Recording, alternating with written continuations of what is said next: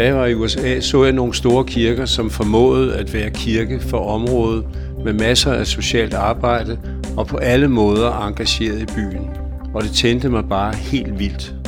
Jakob Viftrup, 47, ledende præst, gift med Jeanette. Sammen har de Niklas på 19, Isabel 17, Sebastian 15 og Alexander på 13 år.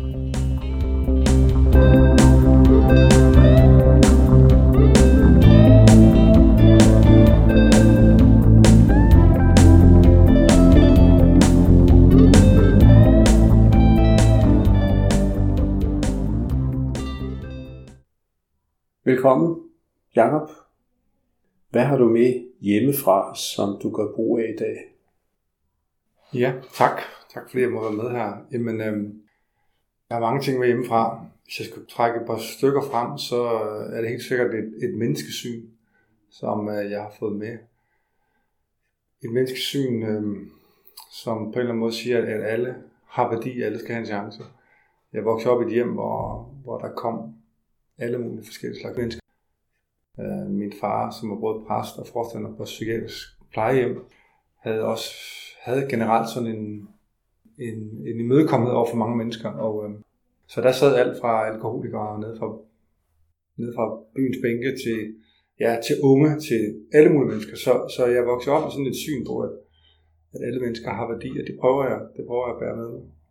Og så en anden ting, jeg tager med hjemmefra, en mod på livet til også at, at kæmpe for de ting, som, øh, som man har kært, og at selvom der er lidt modstand, uh, og det går lidt op ad bakke, og tingene ikke lykkes første omgang, der er sådan helt fra tidlig ung teenager, eller har min far været god til at udfordre mig, uh, og lade være med at give mig de nemme, de nemme løsninger, og, og bare hjælpe mig igennem det, vi i dag taler om, som, uh, ja, hvad kalder vi det, vi pakker børn ind, ind, ind i vat i dag. Det, det blev vi ikke, uh, og, og det kan jeg mærke i dag, det, det, det giver mig måske nogle gange lige et, et ekstra gear til også at, at, at kæmpe, selvom tingene ikke altid bare flasker sig. Efterskolen, hvad betød det for dig? På mange måder så, så, så blev der sået nogle, nogle relationer der, som også bare mig igennem mine senere sen teenage og ungdomsår, hvor, ja, hvor livet ikke altid lige var sådan en, en, en lige linje. Var du en råd? Det var jeg i helt sikkert. Det vil alle lærere kunne skrive på. I 9. klasse, der tror jeg, jeg, jeg var meget lille. Selvom jeg er høj nu, så var jeg meget lille, da jeg kom på efterskole. Og jeg ved ikke, om, jeg tror måske, på mange år, så skulle jeg virkelig, jeg skulle virkelig vise mig selv. Så jeg, jeg sprang i gardinerne og prøvede alt det, man ikke skulle. Øhm, og øh, ja, men det var kun en meget bestemt lærer, som faktisk holdt hånden over mig, da det endelig kom til stykket. Øh, og, og det, han gjorde det og viste mig den nåde, selvom jeg godt vidste, at nu skulle det egentlig slutte det efter skoleophold, det gjorde noget ved mig, at jeg fik en chance til. Og, øh, og 10. klasse var et helt andet år for mig, hvor jeg, det er ikke fordi jeg måske var den pæneste, øh, men jeg var i hvert fald helt andet, andet, en helt anden ro, og øh, fik, fik væsentligt meget med ud af min, af min 10. klasse end min 9. klasse. Hvordan har Jesus grebet afgørende ind i dit liv? Jeg vil særligt nævne, da jeg var 19, der efter efterskolen, der, øhm, der var jeg, ja, der var jeg i gang med at leve livet som alle, som alle andre unge. Øhm, jeg havde fået mig en kæreste, og vi var flyttet sammen, og, og, øhm, og jeg havde sådan en, så jeg, egentlig så var jeg stadig en troende, og jeg kom i kirken, og, men, øh, men jeg var fuldstændig sådan delt, altså jeg kunne ikke finde ud af, hvad, hvad vej jeg ligesom skulle vælge. Jeg, jeg, jeg stod fast i den der tro, jeg var blevet opdraget i, som jeg har haft en erfaring med, men jeg havde også virkelig lyst til at give det, altså vende ryggen til det, fordi jeg synes, der var så meget andet, der var spændende. Og, øh, og der husker jeg særligt en drøm, hvor jeg faktisk var på vej øh, fra Mors til for at besøge min kæreste. Eller det drømte jeg, og så drømte jeg faktisk, at jeg kørte, jeg havde lige fået kørekort, og jeg kørte ud over broen der, hvor det var sådan en bro, hvor mange tog deres eget liv. Og jeg drømte, at, jeg, at jeg døde, og jeg så min egen begravelse for mig. Og, øh, og jeg så, hvordan kirken var fyldt med, med to grupper af mennesker. Den ene var den her lille kirke, som jeg kom i, som havde et vidnesbyrd om mig, og så var der alle mine venner på handelsskolen, som havde et andet vidnesbyrd om mig. Og, øhm, og på en eller anden måde, så, så fik jeg sådan en fornemmelse af, at, at, altså, at jeg var nødt til at vælge. Og, og det var som om med den drøm, der viste Jesus sig for mig på en måde, hvor jeg tænkte, altså, at det ikke bare var, var et eller andet, min morfar havde sagt, men han rent faktisk også ville, ville være der for mig og ville hjælpe mig, selvom jeg ikke selv kunne finde ud af livet så fik jeg sådan, efter da jeg vågnede op af den drøm, sådan en, en tro på, at, at Gud måske godt kunne håndtere også sådan en som mig. Og øh, kort til efter det jeg døbt sammen med tre af mine allerbedste venner. Det bliver sådan begyndelsen, ikke til et perfekt liv overhovedet, men, men fra den dag har jeg hele tiden vidst, at Gud ville noget med mig, og han havde hånd om mit liv, og at jeg altid kunne, kunne betro mit liv til ham. Det blev, det blev meget afgørende for sådan, den kurs, mit liv havde. Hvorfor valgte du at blive skatterevisor? det er et godt spørgsmål, Bjørn. Jeg, jeg havde en klar oplevelse af, at jeg skulle noget med tal. Jeg elskede matematik, og jeg, på handelsskolen jeg elskede regnskaber. Jeg har rigtig gode venner med forstanderen på handelsskolen, som, som vi havde til regnskaber. Han inviterede mig med i forskellige udvalg på handelsskolen og sådan noget, fordi han kunne se mit, både min lyst til det der med regnskab og tal, og også mit talent for det og sådan noget. Så det skulle det være. Og så havde jeg egentlig en plan om at blive statsrevisor revisor. Øh, så, så skulle jeg tjene en masse penge. Og, og øh, jeg kunne ikke få et job på Mors, øh, da jeg var færdig med handelsskolen. Jeg søgte tre, sådan, øh, tre stillinger som revisor, så jeg kunne blive revisoruddannet, og så tage en, en statsrevisor ovenpå. Det kunne jeg ikke finde. Og så dukkede den her nye uddannelse op, som Skat har lavet øh, hvor de søgte elever til en ny uddannelse, en fireårig uddannelse i, i København. Og, og det lugtede lidt af det samme. Jeg, jeg vidste faktisk ikke, der var noget, der hed skat. Altså, jeg, har jeg tror ikke, jeg har været i kontakt med skattevæsenet før der. Men uddannelsen var sådan virkelig skræddersyet, synes jeg, til det, jeg, jeg interesserede mig for. Så jeg søgte den. Så på en eller anden måde blev det nærmest et tilfælde, øh, at jeg endte som skatterevisor. Øh, og havde egentlig en plan om at egentlig bruge som et springbart til det private erhvervsliv, men, øh, men som, ja, men da jeg så var færdig med uddannelsen, så stod der lige pludselig nogen og kaldte mig som præst sted, og så tog mit liv en helt anden drejning. Men jeg endte med at være i skat i 15 år, og, og var faktisk rigtig glad for det. Og siden jeg forlod, forlod skat, er det så gået rigtig meget ned ad bakke, kan man sige. Altså for skat. det er sådan en helt anden snak. Hvordan gik det til, at du blev præst i Valby?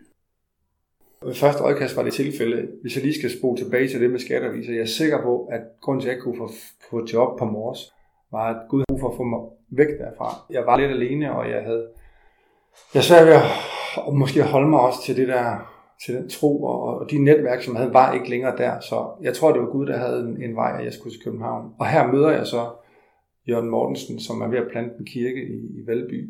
Så jeg dukker op i den her nye kirke, der er plantet i Valby, og øh, synes, det er mega spændende. Øhm, og, og, og så Jørgen, som har plantet den, han bliver så kaldt tilbage til menigheden på Filippervej, Københavns Frikirke, fordi præsten der dør, og de kalder så Jørgen tilbage.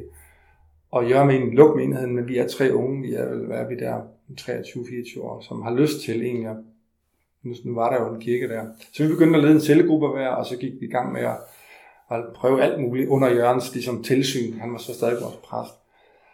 Og det var mens jeg var under uddannelse som skatterevisor, jeg brugte, jamen, han har sagt nat og dag øh, på det der kirkeshow og var vældig optaget af det, og kom med Jørgen til USA, og så lige pludselig noget kirke, vi aldrig har stiftet bekendtskab med. Altså kirker, der virkelig gjorde en forskel i samfundet.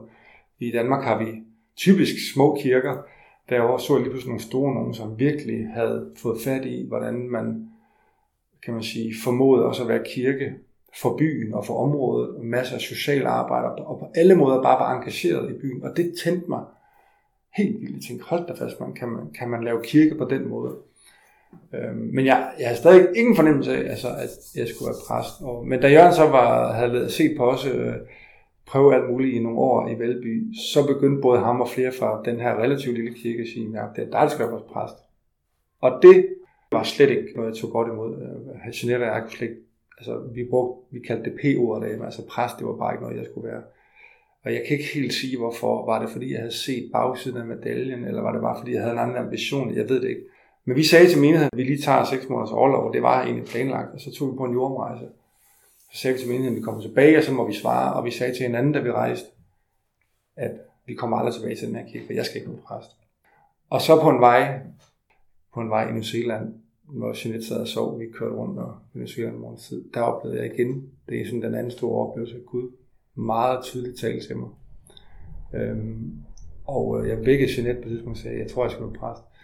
Øhm, og da vi kom til Hongkong, så jeg ved ikke, hvorfor lige var der, men så ringede jeg hjem til Jørgen, der havde jeg psyket nok på det, så Jørgen, det er okay, jeg vil gerne tage imod det der, når jeg kom ind. Så da vi landede i Danmark, så gik jeg ned i tid. Jeg var lige blevet færdig som skatteviser, men jeg gik op til min chef og sagde, jeg tror, jeg skal være præst, og nu begynder jeg at læse noget teologi på på Salt, som det hed, øh, et, et frikirkeligt øh, sådan, seminar, der var i København.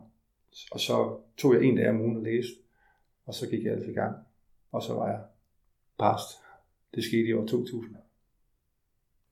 Hvordan fik du mod til at flytte til Kolding, selvom ikke der var en afløser i Valby? Ja, men som sagt blev jeg præst i 2000 og i 2008 var der sket det i mit liv, at øh, kirken voksede faktisk her i Valby. Vi havde købt den bygning, vi sidder i og optager her øh, med sal og kontorfaciliteter og, og, og kollegier osv. Og, og så var jeg også blevet, havde vi fået fire børn i de år, og jeg var også blevet engageret i Apostolisk Kirke på landsplan, som havde ligesom kaldt på, på min tjeneste også. Og lige pludselig stod jeg der i 2008 med et fuldtidsjob, fire børn og frivillig præst, og nu det her apostolsk kirke på landet. Og det kunne jeg godt mærke, det går ikke. Altså der skal ske et eller andet, så enten skal jeg stoppe som præst, eller også så skal jeg stoppe som skatterevisor. Og der kom så en, en, en, en, et, et, en invitation øh, fra Kolding, som, øh, som gerne ville have mig derover, fordi der skulle ske nogle, nogle ændringer i, i kirken derovre. Og øh, det tykker vi på i seks måneder. Vi elskede København, vi elskede Valby, vi elskede det, der skete her i menigheden. Øh, og øh, det var en svær beslutning for os. Men til sidst, så måtte vi tage en beslutning. Sådan har det lidt nogle gange, sådan tænker jeg lidt om Gud er også en Gud, der egentlig gerne vil betro os også evne til at beslutte. Jeg tror lidt, lidt ligesom Abraham, da han øh, kommer hen til, til landet, og, og, og ham og Lot skal vælge, hvilken del af landet de vil have, så siger Abraham, Lot, hvad vil du have? Vil du have den, den, fru, den frodige eller, eller vil du have den her, den går Altså, den du ikke tager, den tager jeg. Fordi Abraham vidste, at Guds velsignelse var på ham, og ikke et eller andet bestemt sted. Øhm, og det, det, det landede jeg sådan i sige, Gud, jeg kan, ikke, jeg, kan ikke forstå, jeg kan ikke, simpelthen ikke høre, er det Kolding eller er det Valby. Så jeg tror på, at du går med, uanset hvad vi vælger. Og så drog vi til Kolding, øhm, og efterlod så Valby her. Og det var egentlig ikke, fordi vi ikke kunne få en præst her, men der var sådan et godt team her, fællesskabet var så, så, så godt, at vi, og det, det fortryder jeg, vil jeg gerne skulle sige, men vi valgte faktisk at lade være med at kalde en præst. Så, så det var egentlig, egentlig menighedens ønske, at vi skulle finde en ny præst. Men øh, det viser sig senere, at det er rigtig svært. Det er rigtig svært, selvom man er et godt team, og folk er glade for hinanden. Hvis ikke du har en leder, der vil, der vil blive ved med at drive på teamet, og blive ved med at spille øh, teamet godt over for hinanden, så kan det faktisk godt gå rigtig galt. Så ja, så det, det blev en svær tid for Valby efter det, og det var selvfølgelig noget, der var svært at sidde og kigge på i, i, øh, fra, fra Kolding. Men, men jeg vidste også, den dag vi landede i Kolding, så vidste jeg også bare, at det her vi skal være, og nu, nu er det min opgave. Hvad betød tiden i Kolding for dig?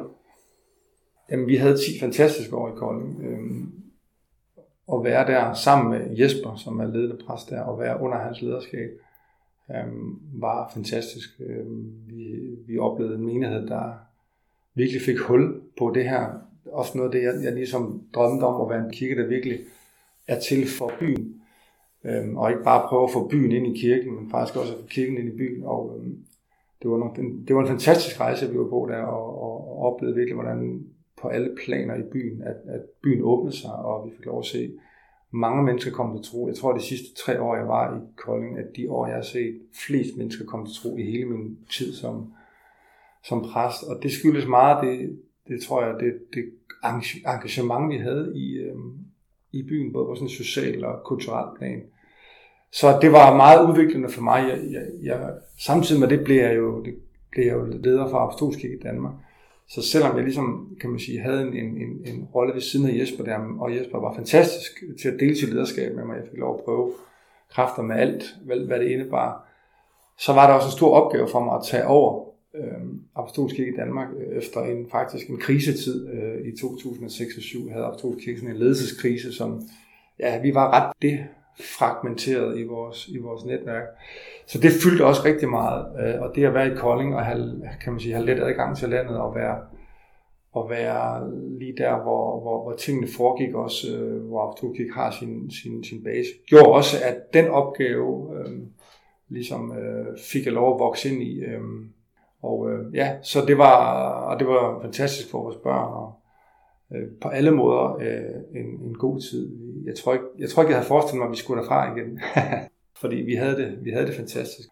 Men igen, øh, vi besluttede os for for mange år siden, at vi ville være der, hvor, hvor Gud leder os til at være, og, øh, og så må man være fleksibel, når, når Gud kalder. Så det blev til 10 gode år. Og hvad fik dig så til at forlade sådan en blomstrende menighed i Kolding for at blive seniorpræst i mm. Københavns Frikirke? Der, der tror der sker tre ting cirka samtidig. Altså København, som vi kom til, stod jo over for et skifte af Jørgen Morten, som har ledt menigheden i 24 år indtil, ja, indtil sidste år. Øhm, skulle på pension, det vidste alle øh, på et eller andet tidspunkt, og man var begyndt at lede. Så der var jo øh, en søgning derfra. Øh, parallelt med det, allerede 3-4 år før vi flytter over, har jeg den her oplevelse af, på en konference sammen med nogle præster i, i London, sammen med Apostolsk Kirke fra hele Europa, der får jeg sådan en oplevelse af på et møde, hvor der er en, der taler om noget med, at Gud giver, jeg ved ikke om det er nye visioner, eller Gud giver nogle gange, ja, ligger ting i vores, inden ligesom et, man bliver gravid, ligesom en kvinde bliver gravid, så, så, så planter Gud nogle gange nogle ting i os, som så skal vokse på et eller andet tidspunkt, jo så skal, skal fødes eller skal blive til noget. Og, og under den, øh, der, der var sådan, at vi, vi bad for hinanden, og der var nogle ledere, der kunne bede for os. Og der, jeg sagde til Jesper Kur, øh, som jeg var med derovre på vej hjem, jeg tror Gud lagde en, en kirke mere i, min, i mit indre der. Og jeg vidste ikke, om jeg skulle plante en ud fra Kolding, eller jeg anede ikke, hvad der var. Jeg, jeg, der, der, der lagde Gud bare noget ind. Og, øh, og så skete der også det, at vi som Apostolkirke Danmark øh, jo var rykket tættere sammen, og begyndte også at have en, en, måske en strategi, eller vi kiggede på landet og tænkte, hey, hvordan går det rundt omkring i landet? Ikke? Og Der begyndte man at tale om, ja, hvad sker der efter Jørgen Mortensen, og hvem, hvem, hvem skal derover og sådan noget. Og, og lige pludselig så det som om, at det der København, det stod alle vegne, og, og, og jeg havde sagt til Jeanette også på overfærd, hvad, hvad, hvad, tror du, der sker, hvis, tror du, hvad, hvad vil du sige til, hvis vi tog tilbage til København? Og, øhm, og, og på en eller anden måde, så poppede alle de der ting op, det gik op i en højere enhed, og, og, og, og menigheden med at spørge, øh, om, om, om vi ville komme, og eller også endte vi med at spørge, og det, var, det, gik, det gik bare sådan lige op i en høj ende der. Så det var klart en oplevelse af, at Gud ligesom også ville, at vi fra menigheden i Kolding skulle sende, altså skulle være taget medansvar for, for landet, og ikke bare blive ved alt det gode, der skete, og passe på det, og ligesom bare tænke på os selv, men faktisk så noget af det, vi havde øh, ud i landet. Øhm, og det blev så mig, der, der skulle sættes. Og øhm, det tog familien rigtig godt imod, på nær vores to små drenge, som øh, ikke er så små i dag de var hvad var de, 11 og 13, da de skulle flytte. Det var ikke så nemt øh, at forklare dem, at det var ligesom Gud, der havde gang i et eller andet her, fordi de havde gang noget rigtig godt sammen med deres venner. Så, men øh, ja, så det var igen et spørgsmål om at prøve at være lydig øh, over, over, over for det, som, som Gud lagde i vores hjerte. Ja. Et af dine første besøg i Københavns Frikirke understregede du, at du var mere leder end præst. Kan du uddybe det? Det kan jeg godt huske. Ja, det har en helt bestemt grund, øhm, og, og lad mig lige forklare hvorfor. Øhm, Bill Hybels, som er leder af en, en stor kirke i, i USA, som, som har lavet lederskabsundervisning, som mange kirker over hele verden har fulgt igennem de sidste 20 år. Øhm, han plejer at sige, når han skal forklare om ledelse, ja, hvordan kommer en kirke, en sund kirke til at vokse. Øhm, og så siger han, så, så skal en kirke være well fed, altså den skal få god føde, der skal være en god forkyndelse. Åndsfyldt, livgivende forkyndelse. Den er well fed. Og så skal den være well led. Og det han mener med, så skal den være godt ledt. Så skal der være, der skal være mobilisering, der skal være øh, vision, der skal være nogen, der ligesom kan, kan, kan, hvad kan man sige, ja, mobilisere folket og, øh, og sætte tingene i bevægelse, øh, og sætte tingene i bevægelse ud af mod det samfund, som vi lever i. Så det er ikke nok at forkynde Guds ord. Nogle gange har vi tænkt sådan lidt i vores tradition, jamen hvis bare ordet bliver forkyndet, så skaber ordet det, det nævner. Men det gør det ikke. Der er nødt til at være en, en facilitering, der er nødt til at være en mobilisering, der er nødt til at være en ledelse af det. Og når jeg så vælger at sige det, så er det fordi, jeg kommer ind efter Jørgen Mortensen, øh, som har været præst i 24 år. Og hvis man, skal, hvis man skal prøve at forstå forskellen på Jørgen og jeg, som jo er sindssygt gode venner, og har den største respekt for hinanden, hvis man nu, det her med at være well fed, altså det her med at, at være en, en forkynder, en der virkelig kan, kan, kan give det, som menigheden har brug for at fast føde, og så til at lede og mobilisere. Når, hvis, du, hvis, du, hvis du kigger på, så er Jørgen, så er Jørgens styrke, han, Jørgen er også en dygtig leder, det, det, sådan skal man ikke høre mig sige det, men hans styrke ligger på hans forkyndelse, hans undervisning, hans fantastiske evne til at træde ind i et rum og, og simpelthen bare give det, som der er brug for i enhver sammenhæng. Jeg har siddet med ham i utallige sammenhænge, hvor Jørgens visdom og, og forståelse af sammenhæng og sådan noget har været fantastisk. Og så er han, og så er han dernæst øh, leder. Og jeg kender mig selv nok til, at jeg kommer ind med et større tryk på det her, der hedder ledelse, hvor jeg er, er måske, at min første reaktion er, kom, vi skal, vi skal i bevægelse. Vi skal derud af. Og det er ikke fordi, jeg, jeg ser mig selv som en dårlig forkynder, eller, eller ikke har det som en vigtig værdi, men det er jo fordi, jeg har lyst til at, at, at jeg ved ikke, om man skulle sige advare eller oplyse, at nu kommer der altså en, en, en anden type præst, som, som, som står på det andet ben først, øh, og det vil kunne mærkes. Så det var et eller andet sted mit forsøg på at prøve at forklare, at, øh, at øh, eller går folk opmærksom på, at nu sker der sådan noget, noget som er anderledes. Øhm, ja, og så kan vi jo tale længere om, hvordan, hvordan det har været. Øh, men jeg tror ikke, at analysen er helt forkert, og, og, og, og, og det, har, det har menigheden oplevet. Og nogen synes, det har været rigtig spændende, og nogen synes, det har været rigtig svært. Men, men i hvert fald, så, så var det mit forsøg på, på at forklare lidt om, hvem jeg var. Hvad er det, der driver dig i din tjeneste, som jo har en stor pris i form af afsavn, slid og slæb, modstand, skuffelser, misforståelser, magtesløshed med mere? Der er egentlig et simpelt svar på det, og det er, jeg, jeg ved Gud, han har kaldet mig. Og jeg, jeg vil gøre det her, øh, og var i gang med det i Valby, før der var nogen, der overhovedet overvejede at give mig løn for det. Så jeg, jeg ved, at, at det er min plads i livet. Også, og særligt måske også det her med at være med til at skrive nye kapitler. Jeg har været med til at komme ind i, i, i Kolding i en tid, hvor der skulle gøres øh, noget, noget, noget nyt efter, efter en sæson. Jeg var med til at komme ind i Apostolsk i Danmark efter en turbulent tid øh, og være med til at, at, at, at sætte tingene i, i, i, i en ny retning. Og, og her i København oplever jeg også bare, det har været en fantastisk menighed i alle årene. Men, men, jeg, men jeg, jeg ved, at Gud også har kaldet mig til at, at være i situationer og i sammenhænge, hvor, hvor der også skal, skal skrives nye kapitler. Og jeg vidste ikke, inden jeg kom her, at, at vi nu her halvanden to år efter står med en kirke, som er blevet faktisk øh, jo, til en kirke med tre lokationer. Og jeg tror også, at nogle af de profetiske ord, der lytter over kirken, også før jeg kom, at det er ikke den sidste kirke, vi kommer til at se, der bliver en del af os. Vi kommer til at plante flere kirker, vi kommer til at se flere kirker slutte til os. Og øh, når man ved, at Gud har kaldet en, øh, og, man, og man tjener ham, og man tjener ikke mennesker, så kan man også godt holde til, at det er hårdt, og man bliver misforstået. Det er, ikke, det er ikke let. Jeg er ikke sådan en, der er ligeglad med, om folk misforstår mig, eller om jeg kommer til at træde på folk, eller om folk øh, skubber tilbage på det. Jeg, jeg er slet ikke, øh, ja, det er jeg egentlig meget følsom overfor. Men jeg er også overbevist om, at jeg, at jeg bliver nødt til at, at, at gøre det, som jeg skal gøre. Fordi en dag, så skal jeg også stå til regnskab med mit liv, ligesom alle andre skal. Og øh, jeg vil gerne kunne sige, at øh, jeg gjorde det, som jeg oplevede Gud ledte mig til. Jeg var tro over for det kald, han havde lagt i mit liv. Jeg var tro over for det formål, som hans kirke har. Øh, og det er at vinde mennesker for Jesus. Det er at være lys og salt i den her by i København.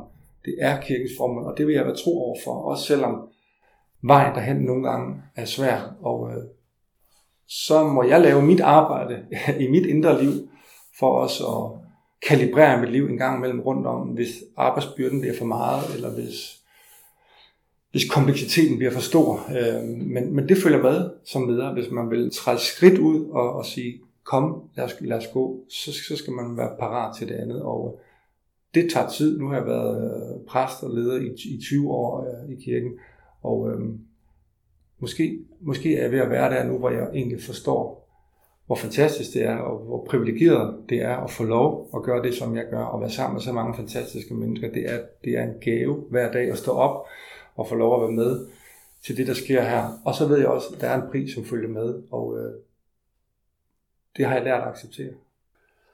Mange tak, Jacob.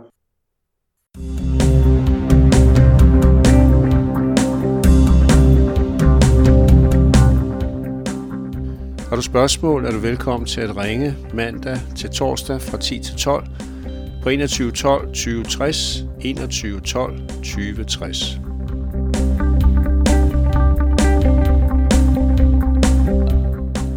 optaget og redigeret af Bjørn Hansen. thank you